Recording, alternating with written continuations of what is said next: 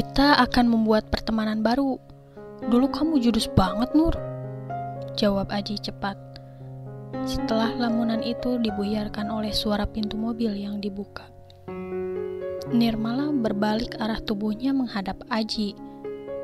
Tentu saja, aku sudah gak judes lagi kok.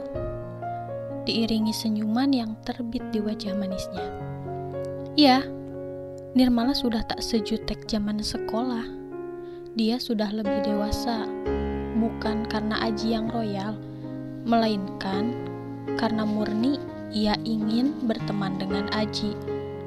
Rasa yang tersisa membuatnya untuk sedikit menikmati keadaan berteman dengan seseorang yang pernah ia sukai.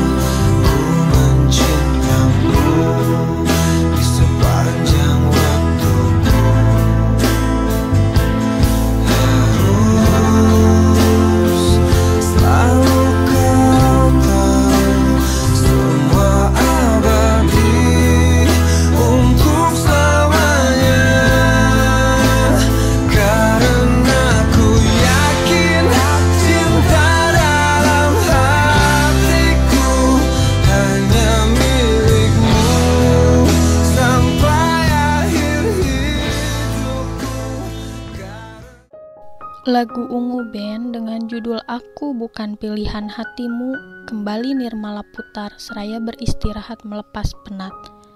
Lagu ini selalu terngiang kala ingatannya membuka memori tentang Aji. Ingatannya masih tajam jika diminta mengingat sosok Aji. Pada waktu istirahat tiba, Aji dengan teman-temannya memilih untuk memetik gitar sambil bernyanyi Petikan gitar yang dihasilkan oleh jari, oleh jari Aji, sangat indah, sesuai dengan kunci-kunci gitar tiap lagu yang ia bawakan. Ditambah dengan suara merdu Aji yang mengiringi irama merdu petikan gitarnya. Sukses membuat perhatian Nirmala tertuju ke arah suara. Ingin rasanya Nirmala bergabung dan ikut menikmati musik secara dekat dan langsung. Namun, rasa gengsi selalu lebih kuat untuk memintanya berpura-pura tak mengindahkan itu semua. Ia asik bercanda dengan teman-teman dekatnya, sedangkan telinga dan hatinya sedang mendengarkan alunan merdu Aji. Nirmala selalu terpesona dengan suara Aji Bukan hanya parasnya yang berhasil membuat Nirmala tertarik, tapi suaranya juga. Bahkan, semua murid perempuan di kelas selalu berbinar matanya kala berbicara dengan Aji. Menetralkan hati adalah tugasnya saat ini. Jika bukan karena hutang budi kepada Aji, Nirmala memilih untuk menjauh saja. Mengetahui tak ada harapan dari kedekatannya dengan Aji, dia merasa sudah membuat waktunya sia-sia.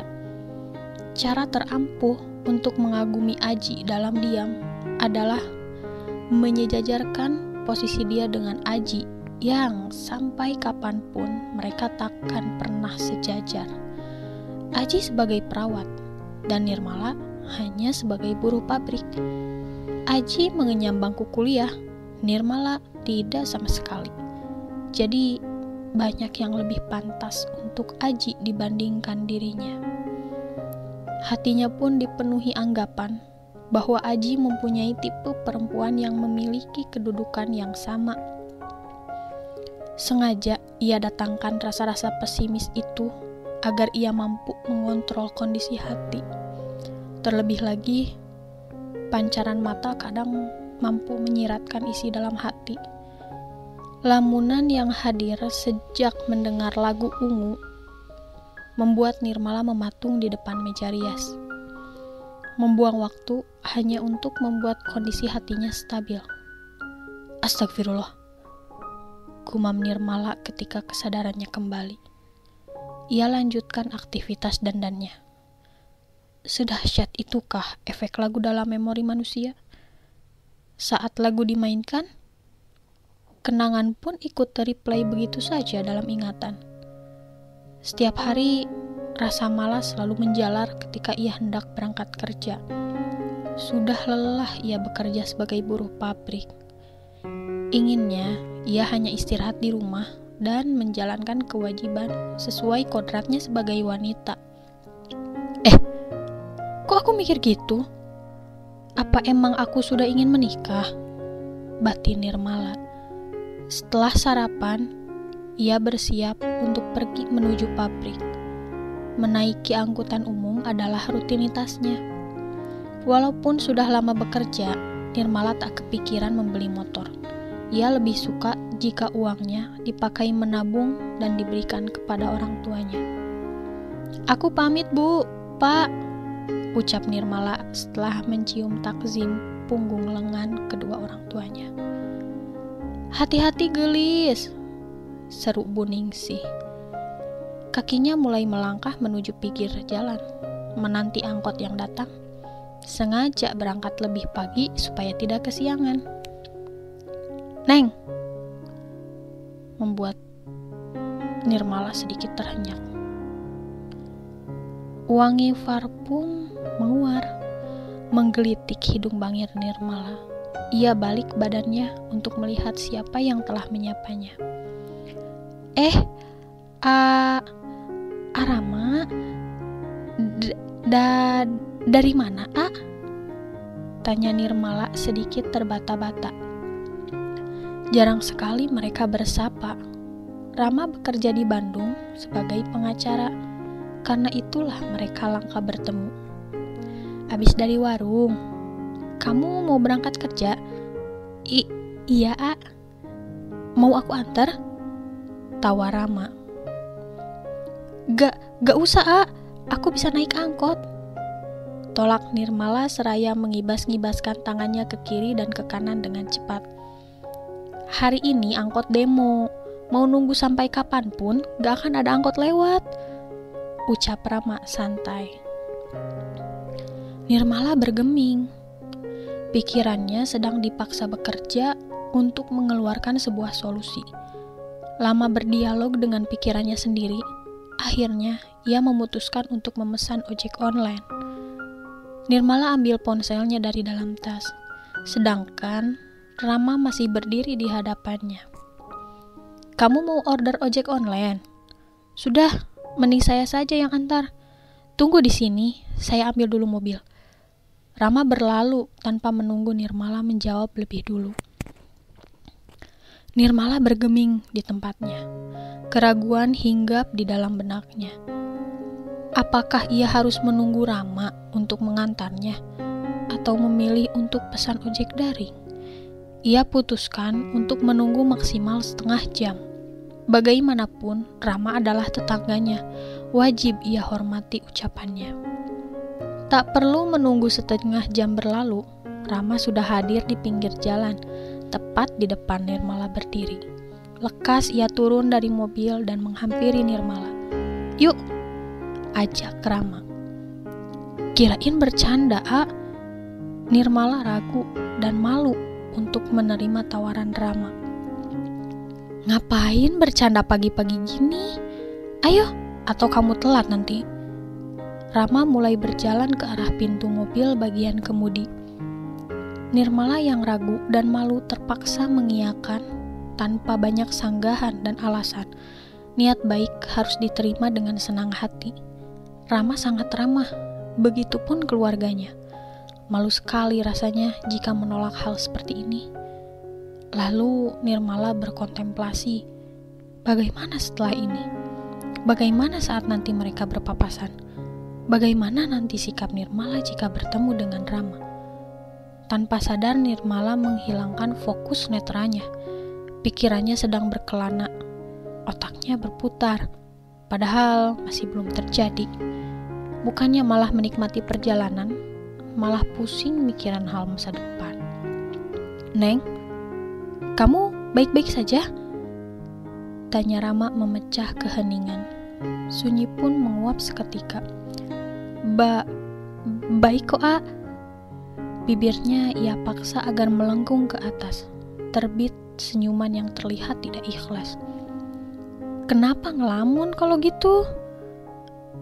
Ah, enggak. Aku cuma kepikiran kerjaan aja. Eh, by the way, agak kerja. Tumben hari Kamis ada di sini. Biasanya weekend, aku lihat AA. Nirmala memberanikan diri untuk bertanya lebih lanjut. Walaupun segan, ia ingin melatih dirinya agar tidak canggung di hadapan Rama. Lagi ambil cuti, lagi males kerja. Jawab Rama seraya menoleh ke arah Nirmala. Oh. Mulutnya mengerucut. Suara Nirmala hampir tak terdengar. Emang AA kerja apa? Aku jadi pengacara di Bandung. Seperti ada rasa yang muncul tak diundang dalam hati Nirmala.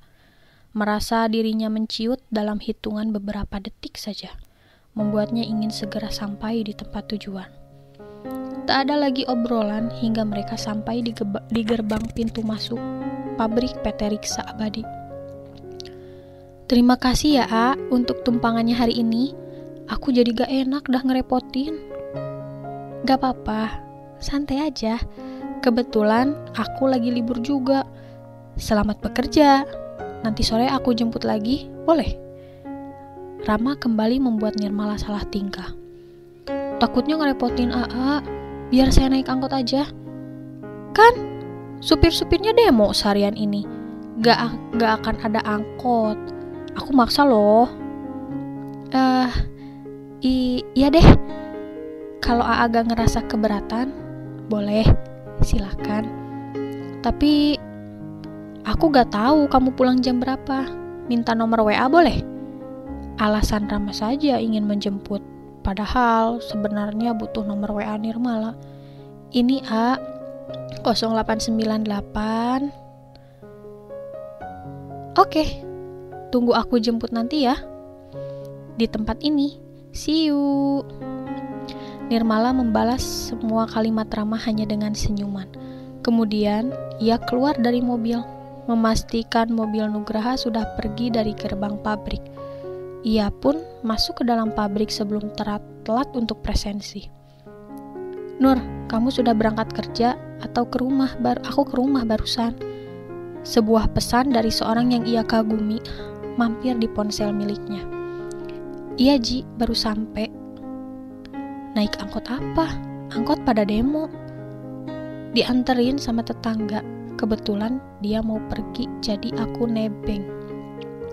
Nirmala sedikit berbohong. Perasaannya tiba-tiba takut jikalau Aji malah menjauh darinya. Padahal dulu ia ingin menghindarinya, entah tapi entah kenapa. Sekarang ia malah sedang menikmati ke keakraban yang baru saja tercipta bersama Aji. Ya sudah, nanti aku jemput pas pulang. Tersentak. Nirmala hampir saja tersedak dengan air minumnya. Bagaimana bisa dua orang laki-laki punya pikiran yang sama untuk menjemputnya nanti pulang kerja. Ingin hati Aji saja yang menjemput, tapi sudah terlanjur berjanji kepada Rama. Gak bisa Ji, aku udah janji sama temen. Lain waktu aja ya, maaf. It's okay, kabarin aja kalau kalian gak jadi bareng. Begitulah pesan. Mereka berkirim pesan. Ah, Aji, Kenapa aku baru sadar kamu sesuit ini? Dulu aku suka, tapi selalu menghindar. Karena saat deket kamu, aku gugup. Batin Nirmala. Tepat pukul 15.30, bel tanda akhir jam kerja berbunyi. Nirmala melihat waktu pada arlojinya. Sebenarnya ia merasa gugup. Apakah Rama sungguh akan menjemputnya? Bahkan jika Rama tak jadi menjemput, Nirmala tak akan menghubungi Aji. Ia akan memesan ojek daring saja. Langkahnya dibimbing mendekati area presensi. Ia gesekan ID card yang belakangnya terdapat barcode kode karyawan. Ia berjalan menuju luar pabrik bersama temannya, Sandra. Sepanjang jalan menuju gerbang, Nirmala terus saja gugup. Irama jantungnya entah kenapa sulit dikendalikan. Ia memang menanggapi setiap kalimat Sandra, tapi masih tak berhasil juga untuk menetralkan interval jantungnya. Mobil Honda CR-V warna hitam terparkir di seberang jalan. Kaca di bagian kemudinya terbuka. Netranya menangkap sosok yang ia kenal, Rama. Nirmala merasa heran, padahal Rama tak mengiriminya pesan untuk menanyakan perihal jam pulang. Namun, laki-laki itu sudah standby di sana. Melihat Nirmala semakin mendekat, Rama keluar dari mobilnya. Mau pulang sekarang? Tanya Rama saat Nirmala dan Sandra tepat di depannya.